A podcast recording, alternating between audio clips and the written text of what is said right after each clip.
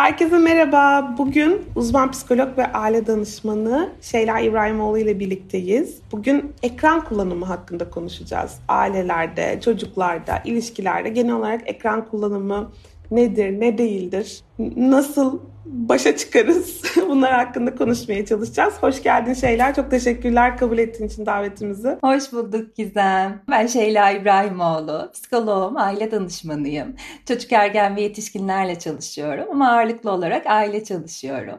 Bugün burada seninle olmak benim için çok keyifli. Özellikle son 6 aydır hepimizin hayatına iyice yerleşmiş olan ekranları konuşmakta. Umuyorum ki herkese fayda sağlayacak bir yayın olacak ikimiz için de. Umarım öyle gerçekten pandemi ile birlikte hakikaten ekranlar böyle uzvumuz haline geldi. Çocukların da yetişkinlerin de. Hepimizin hayatına gerçekten çok yerleşti. Hani bunu böyle popüler bir söylem olarak kullanmak yerine seninle konuşmadan önce de biraz bir bakayım inceleyeyim dedim sayıları, istatistikleri.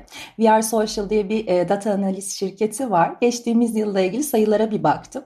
2019 yılında Türkiye'de ortalama işte 16-64 yaş arası bir yetişkinin günlük 7,5 saat internet kullandığını gördüm. Çok ciddi bir sayı. İşte biraz da böyle...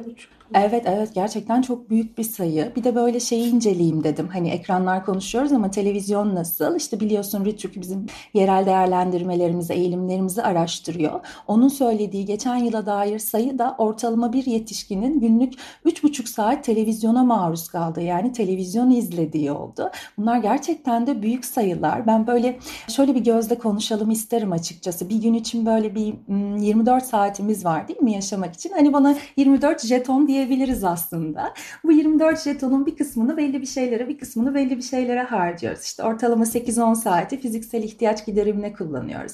İşte yine bir 8-10 saati sorumluluklarımıza, e, işte okula, işe vesaireye kullanıyoruz. E geriye kalan da böyle bir 3-6 saatlik jetonumuz, kredimiz oluyor.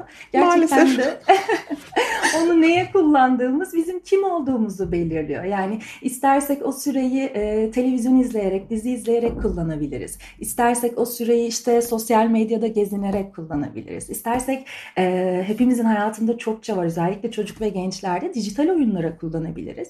Ya da istersek de işte daha çok sevdiğimiz, bize daha iyi gelebilecek işlere, işte müzik dinlemeye, kitap okumaya, spor yapmaya, sevdiklerimize zaman ayırmaya kullanabiliriz. İlişki için en önemli ihtiyaçlardan birisi de aslında iletişim halinde olmak. Dolayısıyla o kredileri neye harcadığımızın farkında olmak, onlarla alakalı bir şeyler yolunda gitmiyorsa bir şeyleri değiştirmeye çalışmak bence çok anlamlı. Ki hani seninle de az önce söylediğimiz gibi ekranlar gerçekten hayatımızın çok içinde bir uzvumuz haline geldiler. Bu bizim hayatımızı bir yetişkin olarak etkiliyor ama biz bunun çok e, farkında olan bir yerden bakıyoruz. Yani kontrol veya işte bununla alakalı farkındalık bir yetişkinde oldukça var ama bugün böyle biraz da çocuk gözünden, aile içinde çocuk gözünden konuşmak, o bizim kadar farkında olmayan veya buna dair otokontrolü henüz gelişmemiş çocukların hayatında ekranın oluşturabileceği olası dezavantajları nasıl değiştirebiliriz onlardan bahsetmek istiyorum. Bence güzel olur. Sonra bir yandan sen konuşurken şunu da düşündüm. Aslında çocuklar için şu anda çok fazla farklı farklı araştırmalar var. Sen muhtemelen onlardan bahsedeceksin. Yani zararlarından aslında minik minik yararlarından da bahsedenler evet. var. Evet, Ama evet. her türlü aslında bence bu jeton tanımı çok güzeldi. Yani yararı olsa bile yaptığımız şeylerin ki ben de bir yerinde şeyi söylemeyi düşünüyorum. Aslında romantik ilişkiler için de ekran kullanımının yer yer yararı var. Ama yararlarını gözetsek bile hala o 3-6 saatin, 3-6 jetonun hepsini buna yatırmalı mıyız gerçekten? Yoksa başka şeylere de vakit ayırmalı mıyız? Bence en önemli, en kritik soru bu hale geliyor. Kesinlikle, kesinlikle. Yani ekranlar evet hayatımızdalar. Ciddi anlamda da faydaları var. Yani ben şöyle bir neslin çocuğuyum. Ansiklopediden öğrenirdik biz bilgiyi. Ama artık bilgiye ulaşmak çok kolay. Hakikaten bir tık uzağımızda ve ekranlar bunu e, hayatımızda ciddi anlamda kolaylaştırıyor. İstediğimiz şeyi istediğimiz an öğrenebiliyoruz. Eğitim alabiliyoruz. Yabancı dilden tutun da üniversite eğitimine veya işte bir enstrüman çalmaya kadar. Keza işte diğer e, avantajı özellikle son 6 ayda epey bir yaşadık bunu. Sevdiklerimize çok kolay ulaşabiliyoruz. Onlara çok kolay erişebiliyoruz. E, bu avantajlarını gözetmek tabii ki de önemli ama bunun ne kadar kullanıldığı, bununla alakalı ne kadar e, kendimizi kontrol edebildiğimiz veya yönlendirebildiğimiz bence önemli olan. Hele ki işte artık çok duyuyoruz online eğitimin de çocukların hayatına epey bir girişiyle evet, birlikte evet, evet. ebeveynler ekranla alakalı ciddi zorlanmalar yaşamaya başladılar. O yüzden de birazcık acaba bunu nasıl daha iyi hale getiririz? Nasıl ebeveynler destek olurlar çocukların ekran kullanımını, o 3-6 jetonu nasıl daha iyi değerlendirebileceklerini onlardan bir konuşalım olur mu? Olur. Sen söyleyince şunu düşündüm. Bu sene biz de kızımızı anaokuluna gönderirken şu soru geldi bizim karşımıza. Eğer okullar kapanırsa online eğitim mi tercih edersiniz yoksa başka bir şey mi tercih edersiniz? Eşimle oturup şunu konuştuğumuzu hatırlıyorum. Kızımız 3 yaşında bizim. 3 yıldır Defne'yi, Defne'nin ekran kullanımını minimize etmek için verdiğimiz çabayı düşündük ve bunca çabanın sonunda şimdi gerçekten eğitim alması için ekran karşısına oturttuğumuzda aslında ne kadar çok kendimize çelişeceğimiz ama bir yandan da bunun yer yer mecburi olduğunu konuştuk. Yani o ikilemde kalmak gerçekten bir ebeveyn olarak bizi çok zorluyor. Eminim birçok insanı da zorluyor. Peki ne yapmalıyız? Şeyler anlat bakalım o zaman bize. Şunu şöyle yanlış yapıyorsunuz, burada çok hatalısınız diyen bir yerden değil de tam tersi böyle daha yapıcı bir yerden konuşmak istiyorum. Çünkü bence herkesin buna ihtiyacı var. Böyle daha konuşmanın başında İlk vurgulamak istediğim şey aslında çocuklar hayatı bizden öğreniyor. Biz ekranı ne kadar kullanıyorsak çocuklar da bunu o kadar normalize ediyorlar. Dolayısıyla işte az önce de konuştuğumuz gibi o krediyi bizim neye harcadığımız hakikaten çok önemli. Çok sevdiğim bir söz var. Ee, bir ebeveyn gelecekte çocuğunun nasıl bir birey olmasını istiyorsa tam şu anda kendisi öyle olmalı diye. Çünkü çocukların kocaman gözleri, kocaman kulakları var. Sürekli bizi izleyerek, bizi gözleyerek bizden bir takım şeyler alıp kendilerine yerleştiriyorlar. O yüzden de biraz daha farkında olan bir yerden bakarak ben ekranları niçin kullanıyorum, ne kadar kullanıyorum, bu bana ne kadar iyi geliyor, bana zarar verdiği yerler var mı, bunu nasıl azaltabilirim? Bu farkındalık çocukların ekran kullanımı için aslında ebeveynin bence ilk yapması gereken şey. O yüzden de o farkındalıkla birlikte birlikte bir şeyleri değiştirmeye çalışmak sanıyorum ki çok anlamlı olacak. Biraz böyle hani davranış, taktik, şudur budur ne yapsak diye konuşmak gerekiyorsa da aslında benim hep ebeveynlere e, söylediğim şey siz çocuğunuzun hayat yolundaki aslında rehberlerisiniz. Onlar kendi kararlarını kendi verebilecek yaşa gelene kadar işte ebeveynlerine muhtaç olmayacak ya da işte minimum düzeyde muhtaç olacak yetişkinliğe veya gelişkinliğe ulaşana kadar o hayat yollarında onlara rehberlik ediyorsunuz. Bazı yol ayrımları oluyor oraya girmemeleri gerekiyor. Bazı sapaklar oluyor onlara zarar verebilecek oralarda durmak gerekiyor ya da yönlendirmek yönlendirmek gerekiyor. İşte biz bunu aslında çocukla kurduğumuz ilişkiyle, iletişimle, ona öğrettiğimiz, yerleştirdiğimiz bir takım değerlerle ve sınırlarla veriyoruz. O yüzden de çocuğun ekran kullanımıyla alakalı bence odaklanılması gereken nokta ebeveynin çocukla kurduğu ilişki ve iletişim hali. Bu rehberlik durumunda çocuğu kısıtlayarak veya işte cezalayarak ya da denetleyerek bir şeyleri yaptırmak doğru değil. Çünkü bahsettiğimiz kişi bir birey. Kaç yaşında olursa olsun. 5 yaşında da birey, 3 yaşında da birey, 15 yaşında da birey. Dolayısıyla seçme seçme şansı var, tercihleri var, bir şeyi sevip sevmeme, beğenip beğenmeme hakkı onun da sonuna kadar var. Sadece yaşı küçük veya işte bir takım durumlarda bize muhtaç diye bunu görmezden gelebiliyoruz. Ama mesela işte biraz daha somut bir durumla konuşmak gerekiyorsa mesela Arda 3. sınıfa giden bir öğrenci. Ekranları biraz fazla kullanıyor. Ebeveynlerin çok sık kullandığı cümleler işte yeter artık bırak o telefonu elinden sürekli tabletlesin hiç bizimle oturmuyorsun dersini yapmadın mı ver bana çabuk şu tableti şudur budur. Ama hayır bunlar ne yapıyor? Çocuğa kendisini birey olarak hissettirmiyor.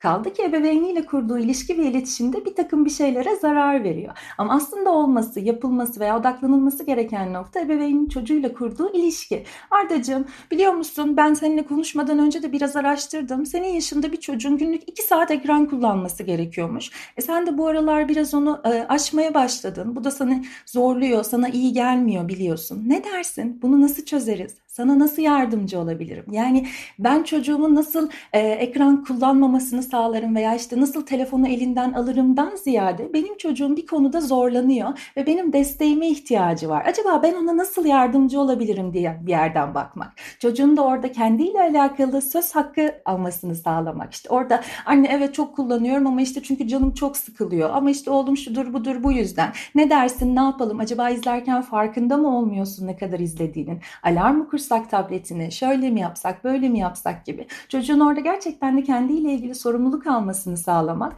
ve bunu ona dayatmak yerine birlikte aynı takımda olduğumuzu hissettirerek bunu içselleştirmesine yardımcı olmak bence işin süreç kısmında en önemli yaklaşımlardan birisi. Dolayısıyla çocuğa bir şeyleri yaptırmaya çalışmak yerine karşılıklı bunu konuşmak, faydaları, zararları, onun hayatına bunların nasıl yerleştirebileceği hakkında söz sahibi olmasını sağlamak sanıyorum ki çok önemli. Sen ne dersin? Sınırı birlikte koymak aslında söylediğin evet, evet. şey. Ben senin verdiğin örnekte neredeyse 9-10 yaşında bir çocuktan bahsediyorsun. Çok haklısın. Ben de şunu düşündüm. Ben 3 yaşındaki kızımla bile şunu yapıyorum. Bizim kendimizce şey tabirlerimiz var. Defne boy, anne boy ve baba boy diye tabir ettiğimiz işte büyüklük skalalarımız var ve iPad'de bir şeyler izlemek istediğinde bunun şeyini yapıyoruz, pazarlığını yapıyoruz birbirimizi. Aşağı yukarı 5-10-15 dakika diye nitelendirebilirim o şeyleri. Defne boy 5 dakika, anne boy 10 dakika ve baba boy 15 dakika olmak üzere. Ve şey yani hani eğer o gün gerçekten hani hiç ekranla uğraşmadıysa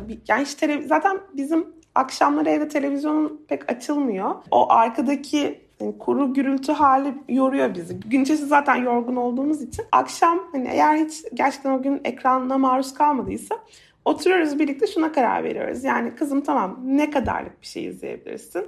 Benimle onun pazarını yapıyor. İşte iki anne boy ya da işte bir baba boy. Ve işte o gününki süresine göre birlikte karar veriyoruz buna ve gerçekten artık alıştı. O video bittiği zaman yani o süre bittiği zaman getiriyor. Anne bitti diyor. Ben de tamam diyorum alıyorum. Tabii ki her gün bu kadar kolay olmuyor bu arada. Yani tabii şimdi ki, tabii şey ki. böyle ütopik bir her şey çok rahat falan böyle değil, değil tabii değil, ki değil. ama en azından ya yani o sınırı bir, bir cins bir sınır, zamansal sınır koymayı kendisine öğretebilmek bizim için en azından biz ondan bir şey istediğimizde neyi niye istediğimizi anlaması açısından kolaylık sağladı diye düşünüyorum. Evet. Bir de şu geldi aklıma ben sen konuşurken bir yerde okumuştum bunu. Ee, ben daha çok yetişkinlerle çalıştığım için yani çocuklarla ilgili şeyi daha fazla okumaya da çalışıyorum. Mesela diyelim ki çocuğumuz o esnada bir şey seyrediyor. Bir çizgi filmin ortasında.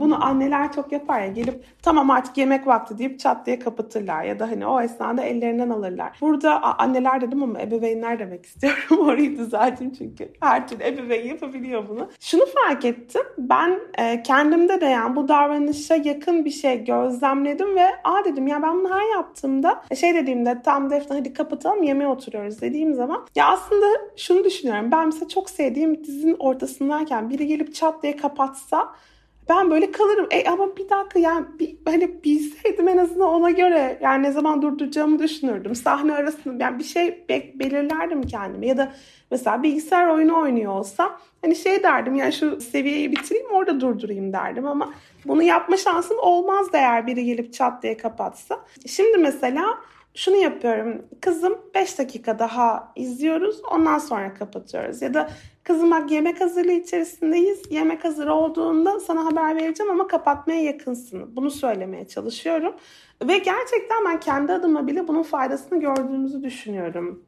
Çok güzel bir yerden bakıyorsun gerçekten de. Benim de özellikle ebeveynlere sık sık vurguladığım, söylediğim şey aslında senin yaptığının aynısı. Kendimizi çocuğun yerine koyabilmek. Yani biz onunla kurduğumuz ilişki ve iletişimde bazen gerçekten de kendi parçamız, kendi ürettiğimiz bir şey olduğu için bazı sınırları aşabiliyoruz onun bireyselliğine dair. Hep şunu söylüyorum. Çocuğunuza yaptığınız bir davranış stili veya ona kurduğunuz bir cümlenin aynısını eşinize, iş yerinizdeki bir arkadaşınıza veya annenize babanıza babanıza yapabiliyor musunuz? Eğer yapabiliyorsanız o noktada hiçbir problem yok. Ama o cümleyi kurmadan önce bunu annenize babanıza söyleyemeyecek bir cümle olduğunu fark ediyorsanız orada durun. İşte gerçekten de orada çocuğun bireysel sınırını ihlal ediyorsunuz anlamına geliyor. O yüzden senin anlattığın e, diyalog veya senin anlattığın anekdot bence gerçekten de çok anlamlı. Bu yüzden de kendimizi çocuğun yerine koyarak onun bir takım noktalarda e, yetersiz olabileceğini, bir şeyleri göremeyebileceğini de bilerek belki de aslında pozitif ayrımcılık yaparak bazı noktalara daha farklı yaklaşmak çok anlamlı. Hani konuşuyoruz, söylüyoruz ya çocukların ekranları şu kadar bu kadar düzenlenmeli.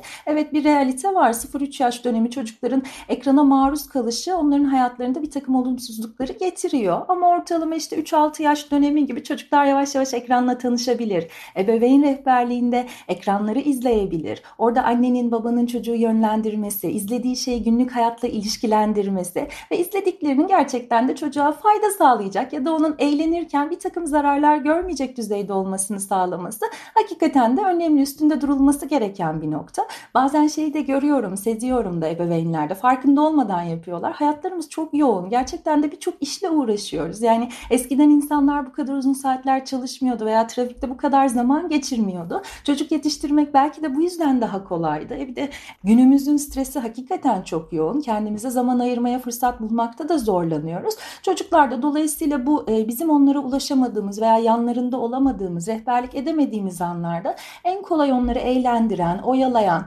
problem çıkarmamalarını sağlayan, işte başlarını e, tehlikeye sokmamalarını sağlayan aletlerle zaman geçiriyorlar. Ama biz onların hayatlarından ekranları azaltarak, azaltmak veya çıkartmak istiyorsak ya da işte belli bir seviyeye getirmek istiyorsak yerine başka bir şeyler koymalıyız. Çünkü ekran evet bir sürü ihtiyacı karşılıyor hem yetişkinler hem çocuklar için. Çocuk orada sosyalleşiyor, ilişki kuruyor, iletişim kuruyor ya da eğleniyor, bir şeyler izliyor, keyif alıyor, mutlu oluyor ya da gerçekten de onun ilgisini çeken şeylerle zaman geçiriyor. Ama biz bunların yerine realitede onları koymazsak çocuk orayı tercih etmeye tabii ki de devam edecektir. Yani günlük hayatta çocukla geçirilen zamanı birazcık daha zenginleştirmek, ilişkiyi zenginleştirmek, çocuğun kendi kendine kaldığında geçirdiği zamanlarla ilgili ona bir takım alternatifler üretmek, hayatına bir takım şeyler yerleştirmek çocuğun ekranları tabii ki de daha az tercih etmesini sağlayacaktır. O yüzden diyoruz ya ebeveyn rehberliğine çocuklar elbette çok ihtiyaç duyarlar. Bu rehberlerin hayatlarından bir şey şeylerini çıkarmalarını istiyorsa çocukların yani ekranları onun yerine de bir şeyler yerleştirmeleri çok anlamlı. Dolayısıyla sosyal imkanları çocuğun kendi kendine geçirdiği zamanda ona kendini iyi hissettirecek e, alternatiflerini üretmek çocuğun ekran kullanımını düzenlemesi konusunda bence önemli yaklaşımlardan birisi. Çok haklısın. Mesela Şimdi pandemiden dolayı artık dışarıda dışarıda daha az yiyebiliyoruz ya da çocuklarımızı dışarı Hı-hı. çıkartırken daha fazla endişeleniyoruz diyelim ama mesela çocukların bu çok sık rastlanan örneklerden biri olduğu için buna değinmek istedim.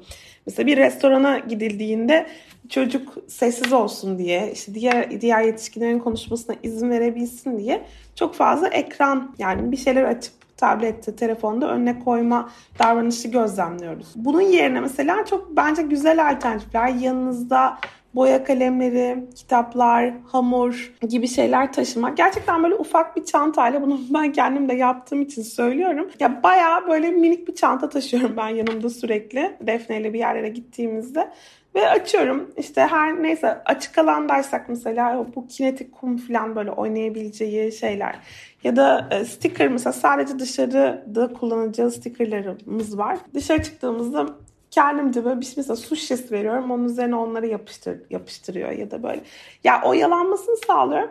E, tabii ki yani mesela 3 saat oturuyoruz diyelim. Yani böyle uzun kaldık ve gerçekten bir yerden sonra çocuğun sabrı kalmadı. Tabii ki o noktada destek alabiliriz bence ekranlardan ama en baştan oturup ekran vererek başladığımız zaman zaten alternatiflerin hepsi ekrana göre daha sıkıcı kalabiliyor çocuklar için. O yüzden önce biraz oyalayıp sonra run opsiyonuna gitsek bence daha faydalı olabilir çocuklar adına.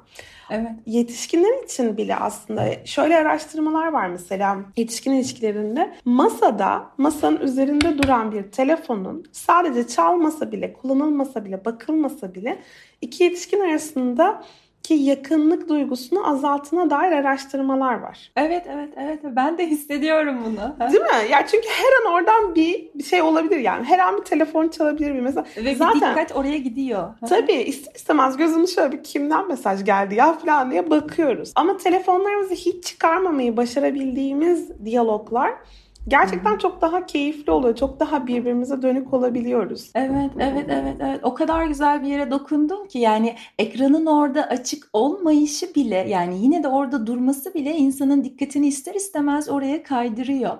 Ben o yüzden ebeveynlere şöyle ufak bir e, tavsiyede bulunuyorum. Bir deneyin diyorum daha doğrusu. Ekran detoksu dediğim bir şey. Akşamları birlikte geçirdiğiniz zamanlarda kendinizi böyle ekranlara fazla dalmışken bulduğunuz bir aile sürecinden geçiyorsanız öncelikle bir yarım saat hiç ekran kullanmamayı deneyin. Gerçekten bu zamanı, bu saati birlikte belirleyin. O yarım saat telefonlar gerekiyorsa sepetin içinde, içerideki odada dursun. Televizyon açık olmasın. Müthiş şeyler oluyor biliyor musunuz? Yani o yarım saati bir saate çıkartmak tabii ki de çok daha şey sağlıyor o aileye ama artık anne baba çocuğuyla daha fazla ilişki kurabiliyor. Çocuk daha fazla bir şeyleri kurcalamaya, keşfetmeye, konuşmaya e, eğilebiliyor. Onları deneyebiliyor. Aslında bu bizim e, çocukken yaşadığımız o evde elektriklerin kesildiği mum başındaki sohbetlerimize dönüyor. O yüzden de böyle işler biraz çığırından çıktıysa ufacık böyle bir akşamları yarım saatlik ekran detoksu zamanı koymak gerçekten de ev içindeki ilişkilerde e, o kişilerin sadece partnerlerin bile olsa çocuklarla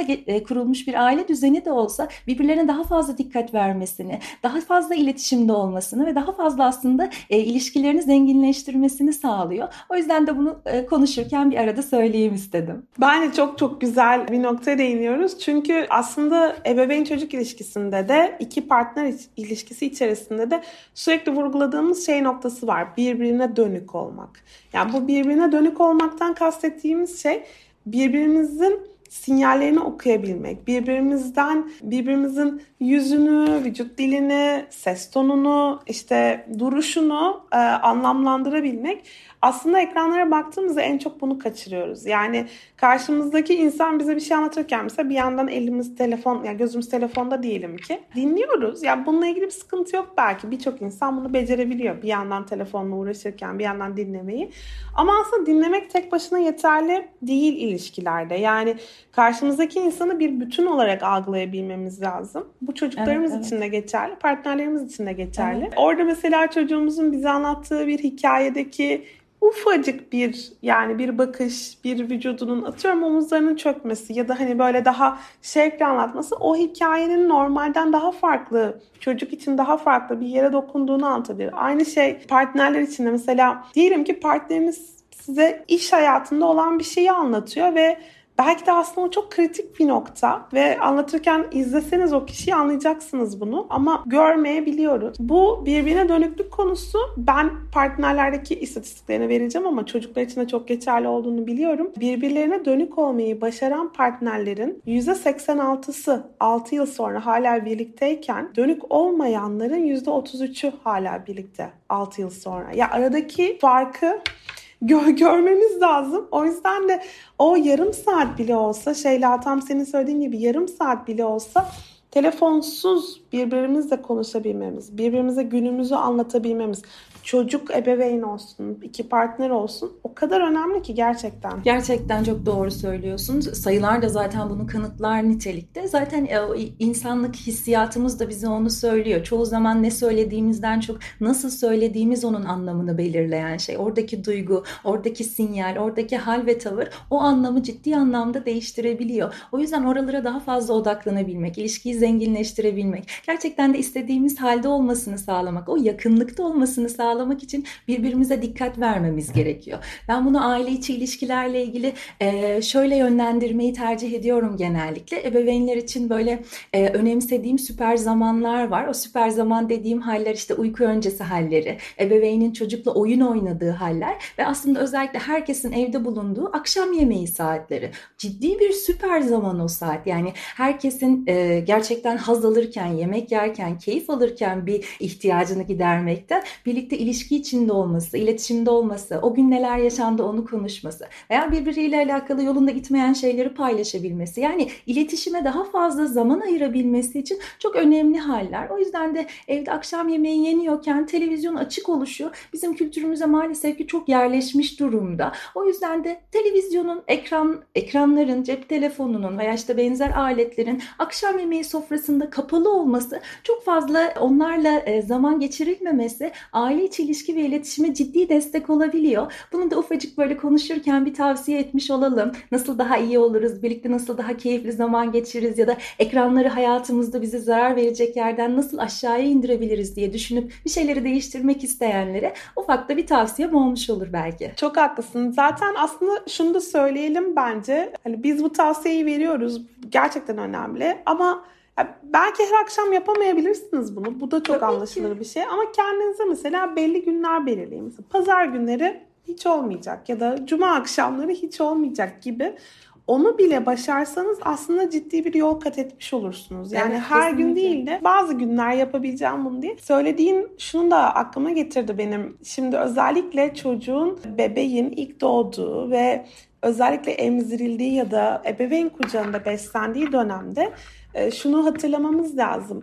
Bebek 0-6 e, ay arasında özellikle kendisini besleyen bireyin yüzünü şu görme mesafesine 30 santimde yüzünü ezberliyor. Yani nasıl güler, nasıl bakar, bütün hani hatlarıyla zihnine yerleştirme, kaydetme davranışını gösteriyor. Şimdi burada özellikle göz göze temasta Oksitosin üretimi çok kritik. Yani göz göze temasın oksitosin ürettiğini hatırlayalım. Bu yetişkinler için de geçerli, ebeveyn çocuk için de geçerli.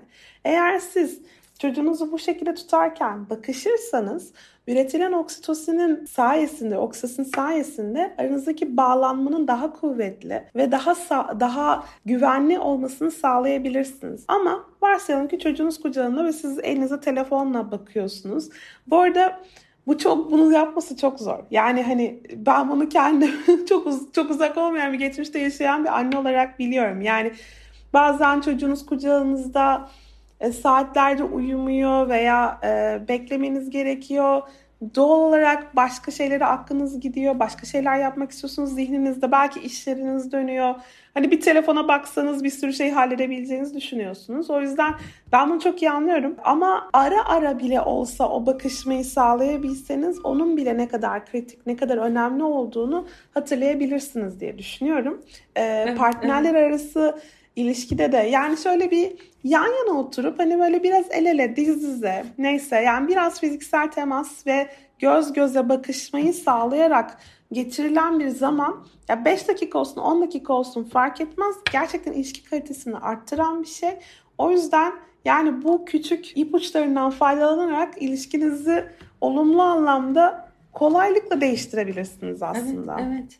Aslında çok zor değil bir şeyleri daha iyi kılmak, ilişki içinde, aile içinde ama nedense bir takım alışkanlıklar işte bunu e, değiştirmemizi zorlayabiliyor. O yüzden bugün konuştuğumuz şeyleri ufak ufak söylediğin gibi haftada bir gün, iki gün bile denemesi ailedeki partnerlerin veya çocukların veya ebeveynlerin bir takım bir şeyleri daha iyi hale getirecek eminim. Sen söylerken şeyi düşündüm az önce Gizem, böyle özel anlar, özel haller var ya, çoğunlukla sen de görüyorsun yemek yerken etrafındaki çocukların e, ekranla zaman geçirdiğini ya da işte çocuk ağladığı zaman ebeveynin ona telefonu verdiğini çünkü başka türlü susturamadığını ya da işte markette alışverişte bir şey için çok ısrarla inat ederken e, ona ulaşmasını engellemek adına ebeveynin dikkatini dağıtmak için çocuğa hemen telefon veya ekran verdiğini bu da işte az önce anlattığın o ilişki haline aslında zarar verebiliyor. Yani onun gelişmesini engelleyebiliyor. Çünkü e, regülasyon dediğimiz hali o duyguyu dengeleme hali bebeklikten itibaren bizim içinde olduğumuz bir süreç geliştir geliştirdiğimiz bir süreç.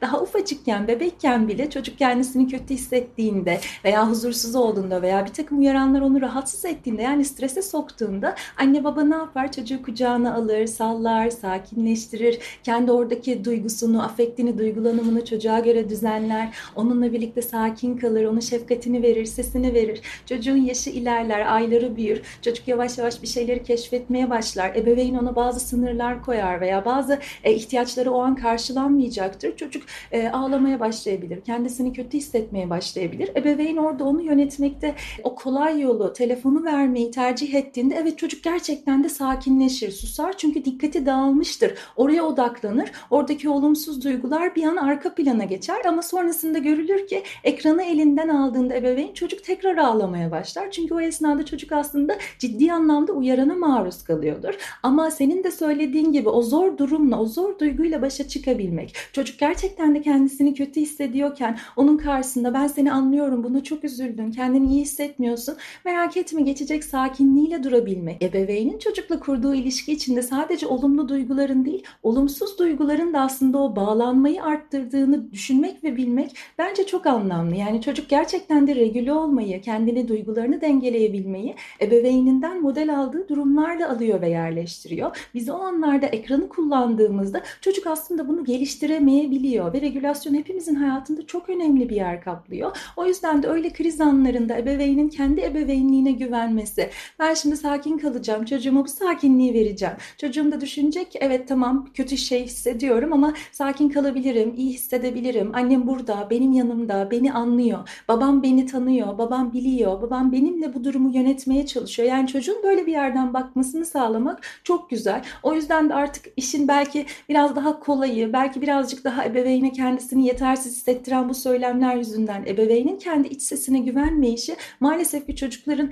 regülasyon aracı olarak kendilerini geliştirmelerini ekranla ke kesmesine neden oluyor. Ekran yüzünden e, az geliştirmesine neden oluyor. Bunu vurgulamayı özellikle istedim çünkü çok önemsiyorum. Maalesef ki bunu çok sık görüyoruz. Sen de görüyorsun, ben de görüyorum. Çünkü ebeveynler kendilerini çaresiz hissediyorlar. Hayır, siz kendi ebeveynliğinize güvenin. Çocuğunuzu o an sakinleştirebilme gücü zaten sizde var. Ekran evet çok kolay sağlıyor bunu ama ekranlar hayatımızda işte konuştuğumuz gibi aslında pek çok yerde çok rol alırken bir şeylerin gelişmesine de engel olabiliyor. Kesinlikle öyle. Aslında bahsettiğin şeyi çok ufacık bir teorik bir şey eklemek istiyorum. Bağlanma hep bu bahsettiğimiz bağlanmanın en temel ölçütlerinden bir tanesi çocuğunuzun sizde sığınabilecek bir e, liman bulması. Yani kendisini kötü hissederken size gelmesi ve sizde sakinleşebilmesi. Yani bunu sizde değil de ekranda bulduğu zaman aslında çok önemli bir aya kaybediyorsunuz.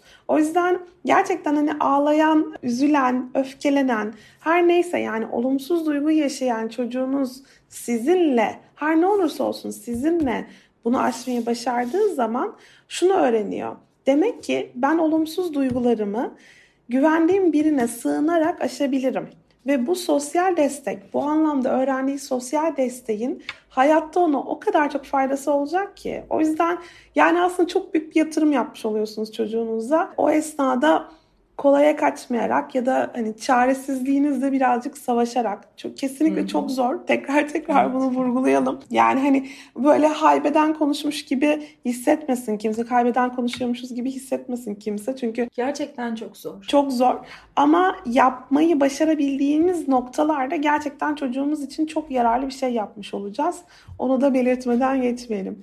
Şeylercim sohbet çok keyifli ama kesinlikle maalesef artık yavaş yavaş toparlayalım ama bence tamam. tekrar buluşup bu sefer de mesela duygu regülasyonu hakkında veya işte belki Aa, çok güzel olur. bağlanma oradaki ebeveynin yapabilecekleri şeyler hakkında konuşalım derim. Ne dersin? Evet. Çok sevinirim. Çok güzel olur bence de. Tamam o zaman takipçilerimize böyle minik bir şey beklemeleri için bir sinyal vermiş olalım. Çok çok çok teşekkür ederim. Katıldığın için çok keyifli bir sohbetti. Ben teşekkür ederim her şey için. Çok keyifliydi benim için de bu zaman. O zaman herkese sevgilerimizi gönderiyoruz. Dinlediğiniz, izlediğiniz için teşekkürler. Hoşçakalın. Teşekkürler. Hoşçakalın.